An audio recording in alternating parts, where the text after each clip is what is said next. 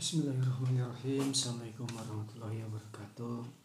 Di obrolan saya ini terkait dengan buku yang saya pegang seperti yang bulan lalu saya sampaikan.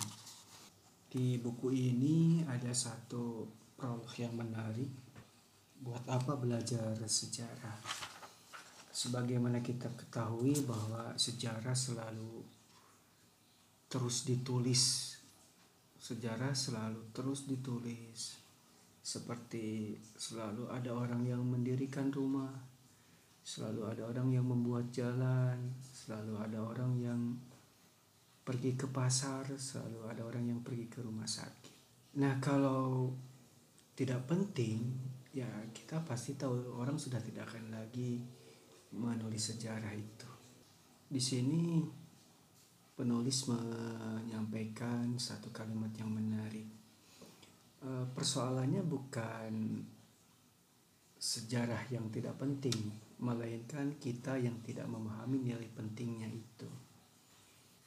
Tata nilai dalam otak kita tentang baik dan buruk sangat bendawi. Segala diukur dengan barang, dengan uang, sehingga apa yang ada di dalam pikiran kita tentang hidup maju itu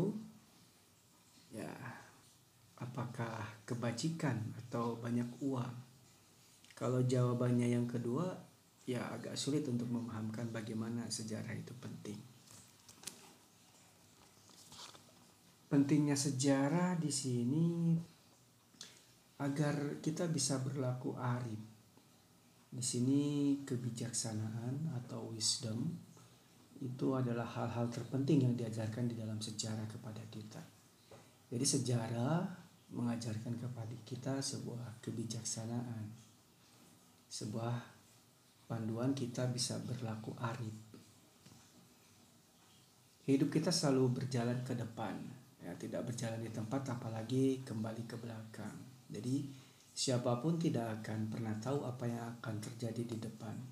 Kita hanya bisa menghayal tentang masa depan, tapi bagaimana hayalan bisa muncul dalam benak kita? Tiba-tiba hal itu terjadi dan saya kira tidak. Hayalan kita ini muncul mungkin dari sesuatu yang pernah kita alami atau pernah kita saksikan sebelumnya. Dan hayalan butuh referensi. Jadi tidak ada hayalan yang muncul dalam ketiadaan.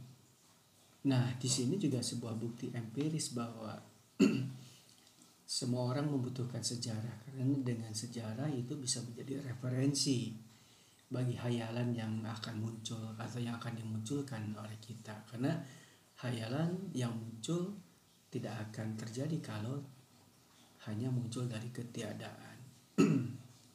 Secara nilai transendentalnya juga bahwa kitab suci di sini Al-Qur'an merupakan sepertiganya isinya berupa sebuah sejarah, berupa kisah-kisah suci, berupa pengungkapan masa lalu yang bukan hanya sebagai sebuah romantisme.